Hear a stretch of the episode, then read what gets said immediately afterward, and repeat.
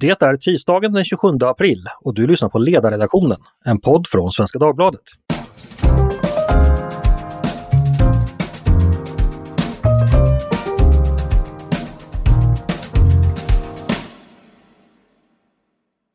Varmt välkomna ska ni vara. Jag heter Andreas Eriksson. Det är som sagt den 27 april, vilket innebär att första maj närmar sig. En dag då även vi på borgerligt sinnade ledarredaktioner brukar skänka en tanke vänsterut på den politiska spelplanen. Och det ska vi göra idag. Vi ska nämligen i dagens upplaga av podden titta lite närmare på Socialdemokraterna vad som sker i partiet. Hur är läget? Vad diskuteras där?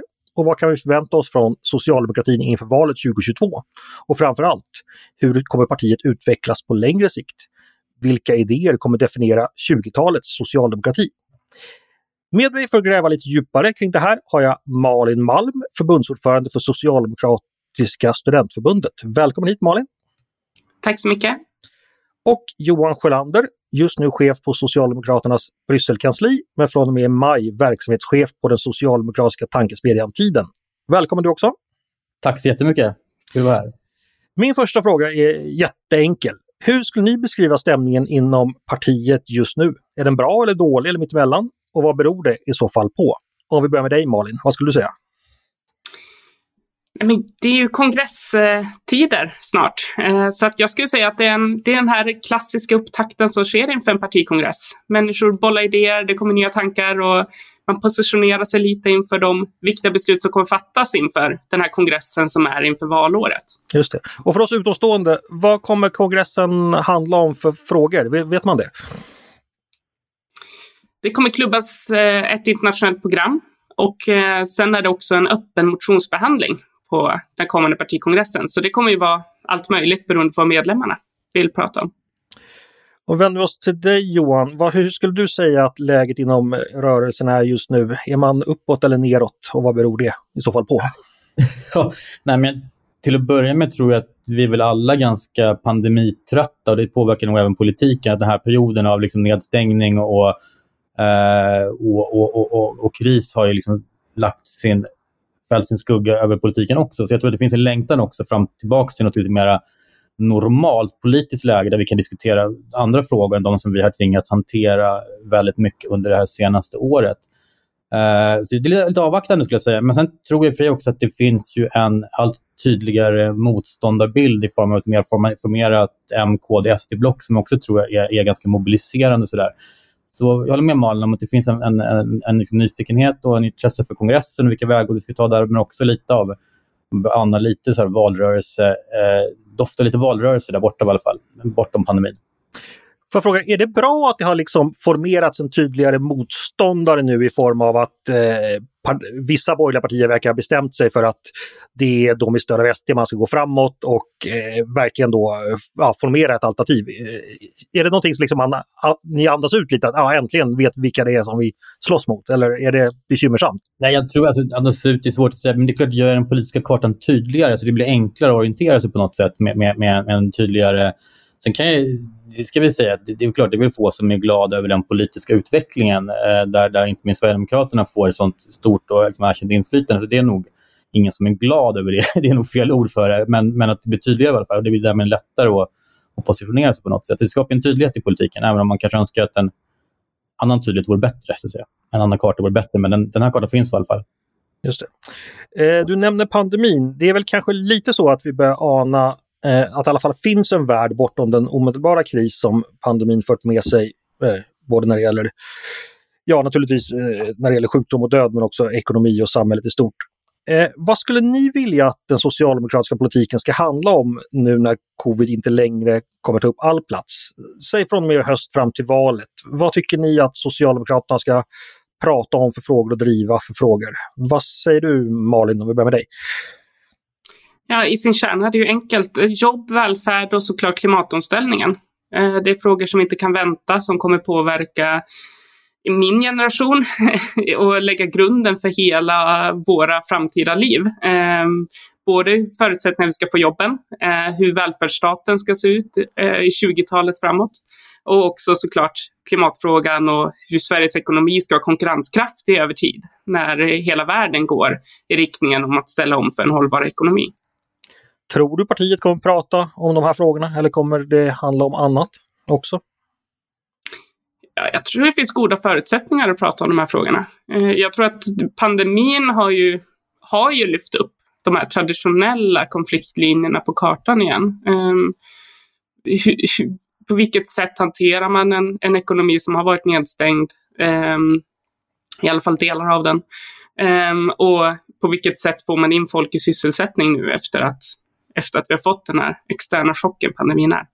På det tror jag att vi kommer prata om en tydligare beredskap eh, också. Eh, vi behöver ju stärka krisberedskapen i samhället och det tror jag kommer vara en sån fråga som eh, många partier kommer vara måna om att lyfta upp. Men det är kanske inte den fråga som kommer ligga närmast mig om hjärtat i en framtida valrörelse. Johan, vad säger du? Malin talar om att man, det blir sysselsättning, ekonomi eh, och, såna, och klimat är de viktigaste. Är, är det också vad du tror och hoppas på eller hur tänker du där? Ja, alltså, jag, jag hoppas ju att socialdemokratin kommer kunna ta liksom ledarskapet i den här diskussionen. Man har ju varit lite kämpat i motvind får man väl säga sedan 90-talet och framåt egentligen. Mer drivit en motståndsrörelse mot ökade klyftor och, och privatisering och sådär. Nu ändras ju det där i pandemins spår. Vi ser liksom en helt ny politik i USA, Europanivå. Jag tror det finns en jätteförutsättning nu för en offensiv eh, socialdemokratisk politik och peka ut att de närmaste 30 åren kommer snarare präglas av minskade klyftor och mer välfärd och inte mindre. Och, och naturligtvis att vi tar på allvar möter klimathotet och kanske till och med att man kan prata inte bara om sysselsättning utan vilken typ av jobb vi ska ha och, och goda arbetet och, och, och, och en ytterligare förskjutning på, av makt på arbetsmarknaden till antagligen sin fördel. Så det finns möjligheter skulle jag säga. Det kan bli en väldigt liksom, spännande politisk tid framöver om socialdemokratin orkar och vågar ta, ta ledarskapet i den eh, debatten. Eh, och då hamnar vi mycket i välfärd, eh, jobb, eh, eh hela Sverige ska leva. Det finns ju liksom förskräckliga skillnader idag inom landet. Exempel. Så där finns den typen av frågor som man måste våga, våga gå in offensivt i. Och det, det skulle kunna bli en, en väldigt, eh, väldigt spännande valrörelse och en väldigt spännande politisk period efter det om man, om man gjorde det. Men du ser alltså ett ganska stort skifte framför dig, både när det gäller eh, vad, vad vi diskuterar, hur vi diskuterar. Alltså, är det slutet på en 30-årig period där socialdemokratin kanske varit på defensiven, kommer nu ersättas av eh, eh, en generation då man går framåt. Är det liksom den skalan vi pratar om? Ja, det låter ju väldigt högtravande såklart. Men absolut, jag tycker absolut det finns den typen av och det, är inte bara, det, det här låter kanske som sorts, eh, liksom önskedrömmar hos en tankesmedjesnubbe, men jag tycker det finns rätt mycket i omvärlden som pekar på att, på att det finns ett, en möjlighet i den typen av skifte nu. Och, och, och, ja, men, återgå till USA och titta på det, det här. Därför är det uppenbart skiften under Biden som han går längre efter valet än han sa innan valet. Uh, vi har liksom generationer i Sverige som inte sett ett stelbent offentligt monopol på vykort än, som drömmer om typ annan styrning och sådär. Som, som snarare sett problem med avregleringar, privatiseringar, friskolor som går i konkurs. Det finns ett jätteutrymme nu tror jag för, för att lägga liksom grunden för, för, nästa 30 års utveckling på ett sätt som, har, uh, som inte har funnits tidigare. Så det, det finns stora möjligheter. Jag tror att det skulle kunna vara... Sen är socialdemokratin till sin karaktär en ganska försiktig rörelse som inte kanske tar till de bredaste penseldragen, varken retoriskt eller så. Men jag tror att det finns en en möjlighet nu att, att, att rida på den här nya tidens våg och vara offensiv i de frågorna. Och, och tror, där, där tror jag man ligger i stor samklang med vad, vad folk tycker dessutom, eh, där ute. Ja. Om jag får bara haka på det. Så vi, behöver ju inte ens kolla så långt som till USA, även om det såklart förändrar det, alltså Bidens paket och sådär har förändrat landskapet betydligt jämfört med, med, med Trump. Alltså vi ser ju också till exempel hur gröna partiet i, i Tyskland eh, i senaste mätningarna har också gått om eh, det konservativa partiet och en, en relevant liksom, konkurrent eh, om att ta förbundskanslerposten. Eh, Storbritannien, utvecklingen där, Eh, trots att det är ett, ett, ett, konservativt parti som styr så har det tagit betydande steg vänsterut och, och har lagt väldigt eh, hårda också mål, målsättningar med sin miljölagstiftning och sådär. Eh, vilket gör att det är en helt annan värld från när, när jag började bli politiskt aktiv, då man var med om Trump och Brexit och allt det där. Eh, det, vi är ju i ett annat landskap där progressiva rörelser och progressiva tankar eh, påverkar eh, Eh, alla partier på olika sätt. Eh, så länge man lyckas liksom hålla såklart rågången mot, mot de högerpopulistiska partierna som har etablerat sig i många väst, västländer efter eh, de, det senaste decenniet. Liksom. Finns det risk att, eh, Johan nämner ordet önsketänkande där, vad tror du Malin att man så att säga intalar sig att nu kommer det stora skiftet, nu är det äntligen vår tur. Men så blir det inte riktigt så, alltså att man eh, så att säga tänk, drömmer om en, om en värld eller en, en framtida politisk epok som, som inte materialiseras så att man ja, bara slutar i besvikelse. Finns det en sån risk? Ja, det finns det alltid. Politik är ju en sisyfisuppgift. Man jobbar på, jobbar på och sen så får man se. Eh, och det är sällan man når hela vägen fram. Det tror jag, jag tror att det finns en frustration i alla politiska rörelser oavsett om man har medvind eller inte. Eh, om, om att man vill skynda snabbare. Eh, Mm, och, så att, det är ju bara framtiden som kan ana om, om, om, det, om det faktiskt kommer hända. Men i sin kärna så är jag väldigt hoppfull inför framtiden eh, som socialdemokrat. Eh, på ett sätt som jag kanske inte har varit på, på, en, längre, på en lång tid. Och jag tror att det finns en, en ny politisk konjunktur här som, som om Socialdemokraterna vågar ta tillvara på den, eh, de här idéerna och tankarna som börjar cirkulera, eh, Eh, då, då kommer vi ha goda förutsättningar eh, att, att, göra, att, att, stärre, att göra ett mer jämlikt Sverige, att bygga en starkare välfärdsstat som, står, eh, som eh, hanterar liksom 20-talets utmaningar eh, på ett sätt som jag inte har sett framför mig under 10-talet. Vi ska strax återknyta till eh, de längre visionerna. Jag tänkte bara kort dra oss tillbaks till den lite trista verkligheten. Eh, just nu så styr ju Socialdemokraterna fortfarande med hjälp av januariöverenskommelsen och eh, med de partierna som står bakom den. Vad, så här långt in, vi har kommit då drygt två år. Vad är er recension av januariöverenskommelsen, vad, eller januariavtalet som man säger om man eh, är för den och januariöverenskommelsen om man är emot den har jag märkt. Vad säger ni om den? Är den? Har den varit bra för Socialdemokraterna? Eh, vad har varit det bästa och vilka problem har den fört med sig? Eh, Johan, hur tänker du? Jag tror att den har varit, om vi ser på snävt partiintresse, så har den väl varit dålig för Socialdemokraterna. Det är klart att det, det, det, är inte bra för ett parti att bära ansvar för en politik som man i grunden inte gillar. Däremot tror jag den har varit bra för Sverige. Alltså, det har möjliggjort en, en bättre politik. Jag tror att den här krisen hade inte varit samma sak med en annan regering och det tror jag väldigt många av löntagargrupper och sånt har, har, har haft nytta av i sina vardagliga liv. Så jag tror att det har varit en bra för Sverige med den här överenskommelsen. Jag tror att socialdemokratin har, det satt socialdemokratin i ett jobbigt läge såklart, där man, där man ju eh, tvingas bära ansvar för en massa politik som man, som man inte alls står för. Ja, men det var ju helt frivilligt från socialdemokratin. Ja, Nej, men jag tror att man gjorde det valet, att man valde att, att liksom få möjlighet att påverka eh, och faktiskt eh, driva politik eh, medveten om att det är klart att det skulle innebära att, att man tappar en del liksom, retoriska slagytor mot motståndarna och, och, och försakade möjligheten att göra en del liksom, populistiska poänger i debatten.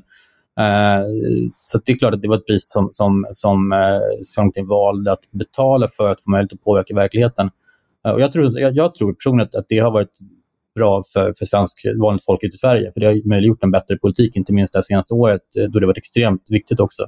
Men jag tror att som parti får ju såklart betalade priset i, i liksom ideologisk renlärighet, eller vad man ska säga. Det, blir, det, blir, det, det, det är ett flitigt ansvarstagande som, som blir gjorde med naglarna. Och, eh, och det hade man sluppit i en ren oppositionsroll.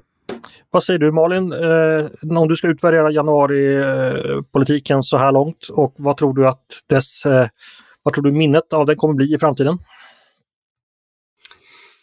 Jag håller med, jag håller med Johan väldigt mycket eh, i det han säger. Eh, det, jag tror att många socialdemokrater kände att det, det var en, en, en bra överenskommelse att kliva in för Sveriges skull och jag tror också att det blir extra tydligt nu under pandemin. Eh, jag tror att nackdelarna med januariavtalet har ju varit hur svårt det varit med idéutvecklingen tror jag. Det här är någonting som alla januariparternas partier mer eller mindre håller med om, tror jag. Eh, jag har hört även eh, mina mina studentkollegor på eh, centerpartistiska sidan eh, har uttryckt liknande grejer, att det finns en utmaning att idéutveckla när man, när man eh, sitter i ett avtal på det här sättet. Men det har funnits, det finns bra grejer i avtalet och sämre grejer i avtalet. Jag tycker det är svårt att utvärdera det, just för att pandemin förändrade allting. Vi har haft två stora skiften i svensk politik och det är pandemin som förändrar villkoren för januariavtalet och det är januariavtalet som sådant som förändrar villkoren för det politiska landskapet. Det gjorde att Sverige valde en helt annan väg än att man ska luta sig på ett högerpopulistiskt parti.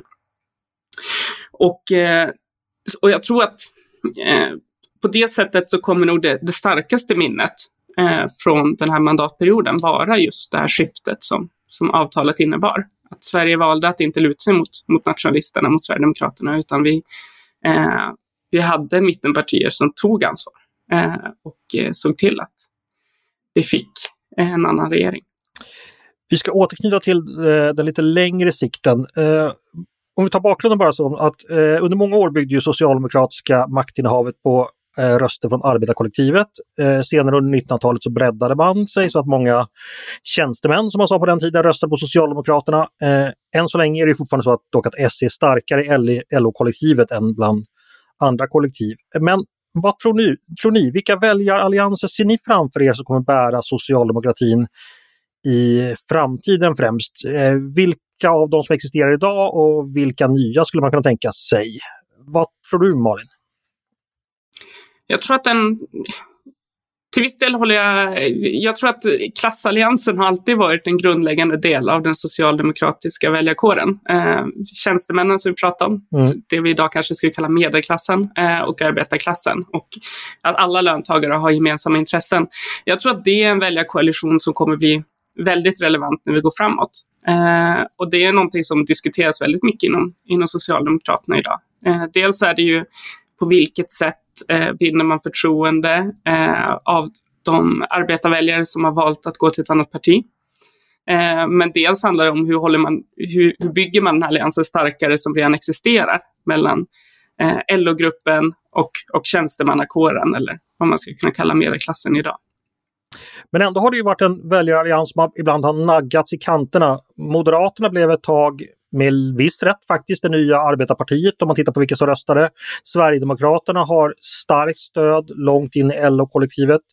Hur ska man göra för att de grupperna ska då fortsätta välja Socialdemokraterna eh, och eller i alla fall inte vända sig bort från, eh, eller att återvända till Socialdemokraterna. Vad tänker du om det Malin? Det är, det, den, den gåtan är svår att lösa. Jag tror att det, är, det finns lika många teorier som det finns både socialdemokrater men också alla som är motståndare till till, till exempel trumpismen eller andra eh, högerpopulistiska nationalistiska rörelser runt om i världen som har olika tankar på hur man ska hantera den frågan. I sin grund tror jag att det handlar om att ta människors frustration på allvar. Eh, under, under det långa 90-talet och in på 00-talet så har vi haft en tendens då vi fokuserar på teknokrati, vi urholkar människors inflytande över sin egen vardag. Eh, och jag tror att det är den frustrationen till viss del som också tar sig uttryck i att man röstar på anti-etablissemangsrörelser. Men det är ju inte en enkel kalkyl att lösa upp. Eh, dels handlar det ju om att eh, lyssna på människor, helt enkelt. Eh, prata med dem. Eh, och dels handlar det om eh, att ha en politik som känns relevant. Eh, där tror jag att välfärdsfrågorna kommer vara väldigt viktiga. Eh, känslan av att sitt lokalsamhälle runt om i Sverige utvecklas och inte avvecklas. Eh, och att man upplever att man har inflytande över till exempel sin arbetsplats och så. Eh, det tror jag kommer vara sådana centrala frågor som vi har liksom, vi som land har eh, inte tagit på allvar under väldigt lång tid.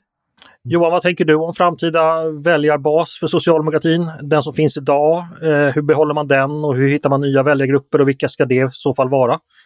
Ja, nej, men till att börja med så håller jag med Malin om att det, det är ju stora frågan här nu är den här nygamla, den gamla, den traditionella basen, vanliga arbetare, folk i LO-yrken. Eh, så ska man vara försiktig med att liksom, eh, man ska vara noga med att prata om den verkliga arbetarklassen som är riktiga människor. Det är lätt att bli en idealiserad bild.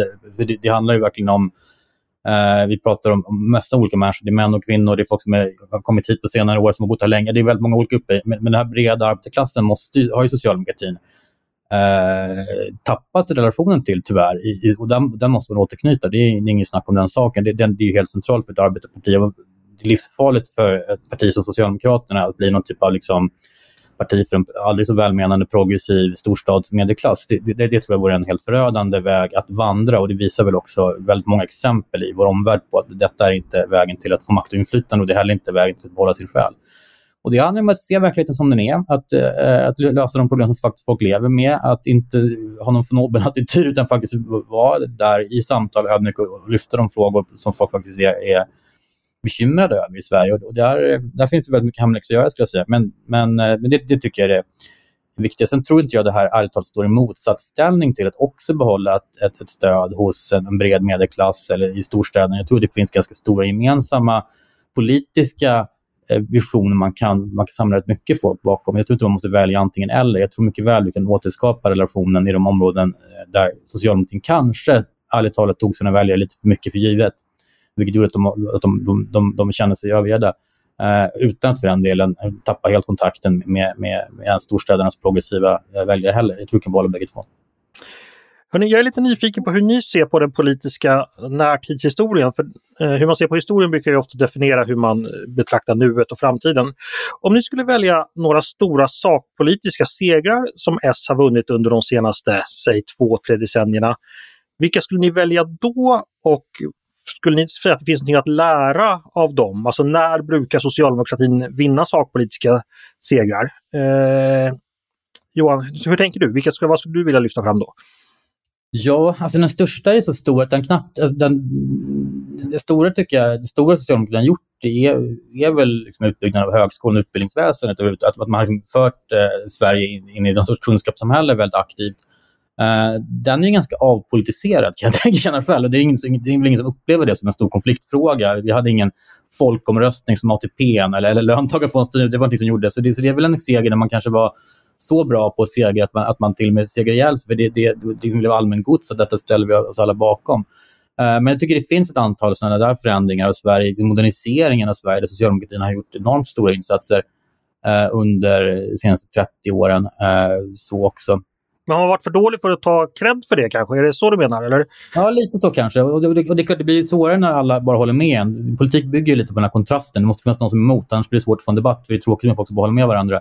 Uh, så, så kanske, men, men, och det är klart, det finns ju debatter i högskolan. Det vet ju Malin, någon som är i den världen, med, med diskussioner om bygdehögskolan. Så det finns en kontrast där också. Men, men där, lite mer spets där kanske. Uh, lite mer konflikt hade varit... Uh, och lite mer, ja, lite mer orsaker att ta cred för den liksom förändringen av, av Sverige i grunden som det faktiskt handlar om att bygga ut både då högskolor men också folkhögskolor. Vi har Kunskapslyftet, vi har en breddutbildning, vi har en syn på livslångt lärande. Så jag tycker det har gjorts väldigt mycket eh, i Sverige för att liksom eh, förbereda det här landet för en, en mer kunskapsintensiv verklighet eh, som inte socialdemokratin kanske riktigt har varken tagit eller fått den cred som man förtjänar.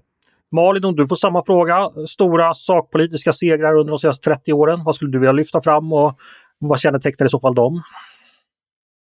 Nej, men, det är svårt att inte hålla med Johan om eh, utbyggnaden av högskolan också. Eh, när jag tänkte på den här frågan så tänkte jag till viss del att det också handlar om värnandet av svenska modellen eh, och också eh, maxtaxan på förskolan, den, den enorma feministiska reform som det innebär att, att få en jämställd arbetsmarknad, eller en mer jämställd arbetsmarknad ska sägas.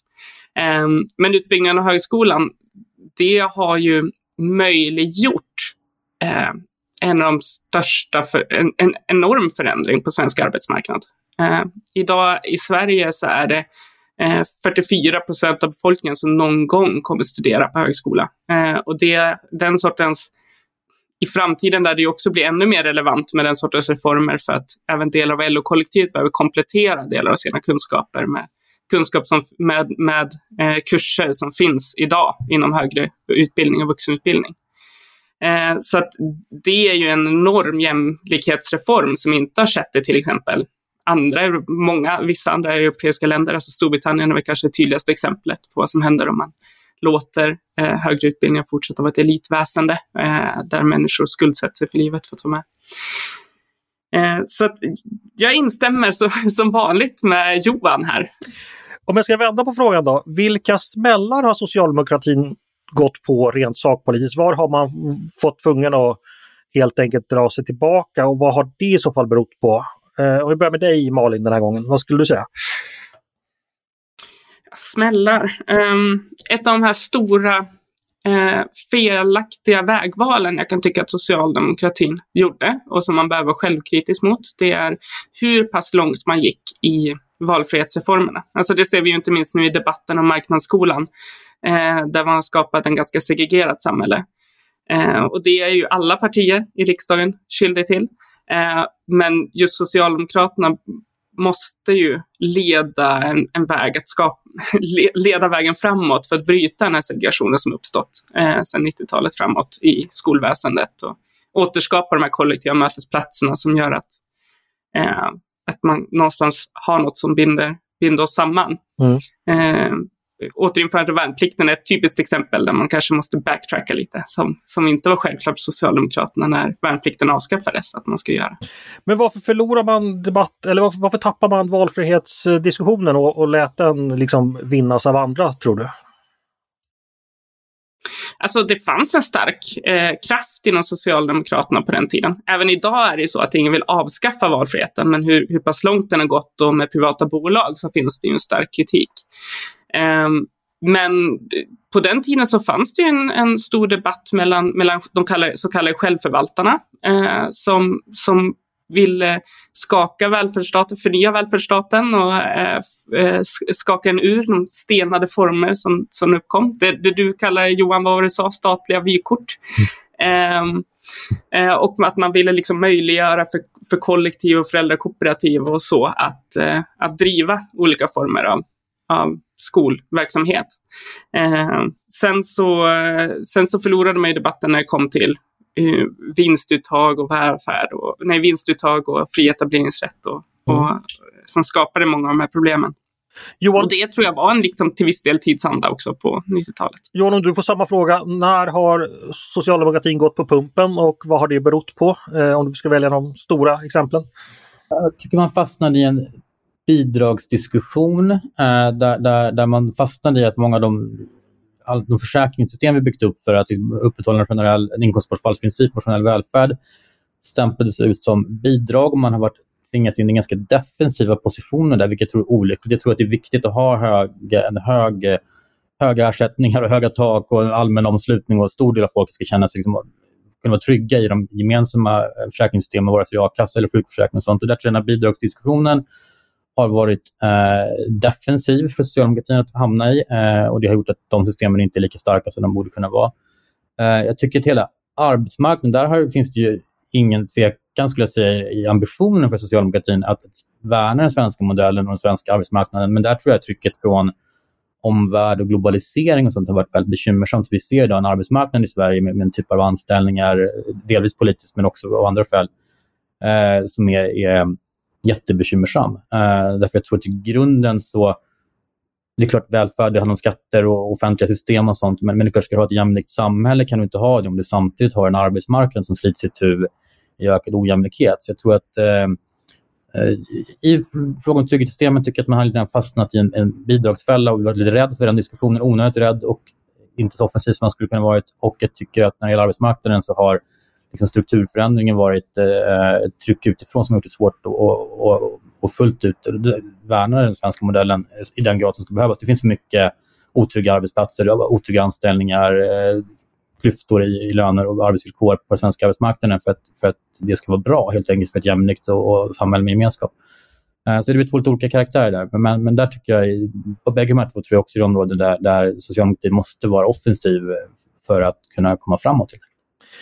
Och eh, nej, om jag bara flikar in om det här med bidraget så finns det också en retorisk miss som har gjorts eh, under flera år. Eh, tittar man på hela poängen med arbetarrörelsen så är det för att demonstrera att eh, det är människorna som får samhället att gå runt, eh, som är verksamma i produktionen, som, som eh, faktiskt har mest inflytande som kollektiv.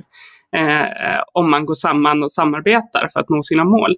Eh, och när det kommer till den här bidragsdiskussionen så har jag upplevt att eh, som vi börjar bryta upp nu, men som jag upplevt att man har fastnat i någon sorts ovanifrån, nästan välgörenhetsretorik, eh, istället för att vara den här stärkandet av eh, kraften i, i kollektivet någonstans. Eh, och det, där är det någonting, där finns det en retorisk del av det också som, som man kan bryta sig ur. Mm. Jag noterar att ingen av er eh, nämner migrationspolitiken som då dominerat en stor del av 2010-talet och på många sätt förändrat det politiska landskapet. Hur rätt har S gjort när det gällde att man först valde att liberalisera både politik och retorik för att sedan snabbt ganska gå, återgå i restriktiv riktning? Kan någonting ha gjorts annorlunda där? Vad säger du, Johan?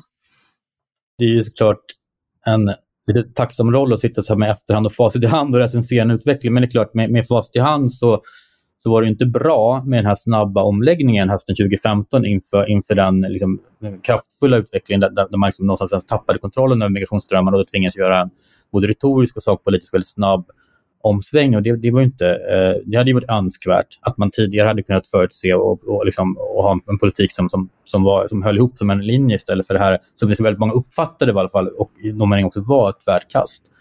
Eh, så det var ju såklart, det, det skadade ju sig trovärdigheten. Sen så kan man ju förstå det mot att den här utvecklingen var väldigt dramatisk och, och, och, och, och oförutsägbar i någon mening och att jag tror ingen av oss hade förstått hur dysfunktionell liksom EUs migrationspolitik var på den nivån, hur strömmarna rörde sig och sådär. Så det är klart att det finns ju förklaringar till att det där kom så hastigt och, och liksom framtvingat baklänges. Men det är klart att det inte var bra att så skedde. Det är omöjligt att säga så här efterhand.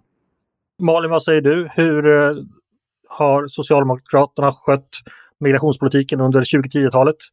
Återigen där, alltså såklart en sån radikal, eller en sån hård liksom omläggning som var både, både sakpolitiskt och retoriskt eh, inte så bra för att bygga upp förtroendet på sikt. Alltså det är någonting som man har fått återuppbygga eh, under lång tid. Eh, men det är något som händer i, i hela det svenska politiska systemet. Det är ju bara att jämföra såklart Fredrik Reinfeldts retorik med, med Ulf Kristerssons idag. Jag tror det finns delar av Ehm, jag tror det finns delar av migrationspolitiken som man behövt överkompensera. Debatten i migrationspolitiken, i den allmänna debatten idag, eh, har i min uppfattning spårat ur. Eh, och att människor, det, vi har mindre och mindre förankring i vad som faktiskt sker nere på marken. Eh, och det är tror jag är någonting som alla de här traditionella partierna nu som, som har tagits på sängen och varit chockade över den utveckling som eh, den nationalistiska rörelsen haft i Sverige idag, eh, bör kanske ta en, en tankeställare kring eh, vilka vägval man gör framöver och vilken grund man lägger. Men som, som Johan säger, såklart, det, det är lätt att vara efterklok och säga hur, hur det politiska eh, etablissemanget hanterade migrationspolitiken innan flyktingkrisen. Eh, att säga att det, att det var felaktigt när det, när det kände också en ganska drastisk förändring i hur flyktingar rörde sig över världen och på vilket sätt som EUs migrationspolitik fungerar i praktiken. Eh, ja. Alltid lätt att vara efterklok kan vi konstatera. Eh, vår tid börjar ta slut. Jag har bara en avslutande fråga. Eh, på lördag är det som sagt då första maj. Jag antar att det kommer firas på distans, men hur kommer ni uppmärksamma och fira arbetarrörelsens högtidsdag? Johan, vad ska du göra? Jag fick en idé till ett så plakat här nu under vårt samtal. Jag tänkte att jag ska skriva man måste tänka sig Sisyfos lycklig som ett reformistiskt credo. när, vi, när vi kämpar på liksom, med våra små reformer så, så, så får man inte ge upp. Eh, nej, det blir digitalt firande i år såklart med, utifrån pandemin och så. Men, men det, brukar, det var ganska, måste jag säga, det var väldigt lyckat förra året. Det var kul att kunna se. Men det är klart att det, jag är, är ju uppskattar ju annars det fysiska mötet och träffa folk och, och, och, och känna den fysiska gemenskapen. Så det kommer jag ju sakna. Men jag kommer nog sitta och eh, följa eh, arrangemang framför Zoom istället som, eh, som många andra. Det blir jag. Och, men kanske med ett litet, man måste tänka sig Sisyfos lycklig plakat framför skärmen. Okej, okay. Malin, hur ser ditt digitala plakat ut i år? Eh, jag har faktiskt fått från flera av mina klubbar att jag ska skriva digitala plattikat och jag har inte hunnit göra det än, så jag, jag återkommer med den frågan. Ni får hålla ett öga på S-studenterklubbarnas flöde runt om, i, runt om i landet för att få svar på den. Men det blir, eh, det blir att följa talen, eh, partiets sändning och hänga lite rött utanför, utanför fönstret så får man demonstrera sin solidaritet genom social distansering just de här två åren och hoppas att vi får demonstrationer nästa år. Det får vi alla hoppas på att det blir bättre och att man även ska få demonstrera i framtiden. Stort tack för att ni ville vara med. Tack Johan! Tack så jättemycket, jättekul att vara här. Tack Malin! Tack! Och innan jag tackar för mig ska jag passa på att tipsa om vår grannpodd på Svenska Dagbladet. Det är en nyhetspodd som heter Dagens Story. Där får du en kvart varje dag en fördjupning i ett aktuellt ämne. Allt du behöver veta om det. Du har lyssnat på Ledarredaktionen, en podd från Svenska Dagbladet. Varmt välkomna att höra av er till redaktionen med tankar och synpunkter på det vi har precis diskuterat eller om ni har idéer och förslag på saker vi borde ta upp i framtiden. Då mejlar man bara ledarsidan snabel svd.se. Dagens producent har varit Jesper Sandström. Själv heter jag Andreas Eriksson. Jag hoppas att vi hörs igen snart.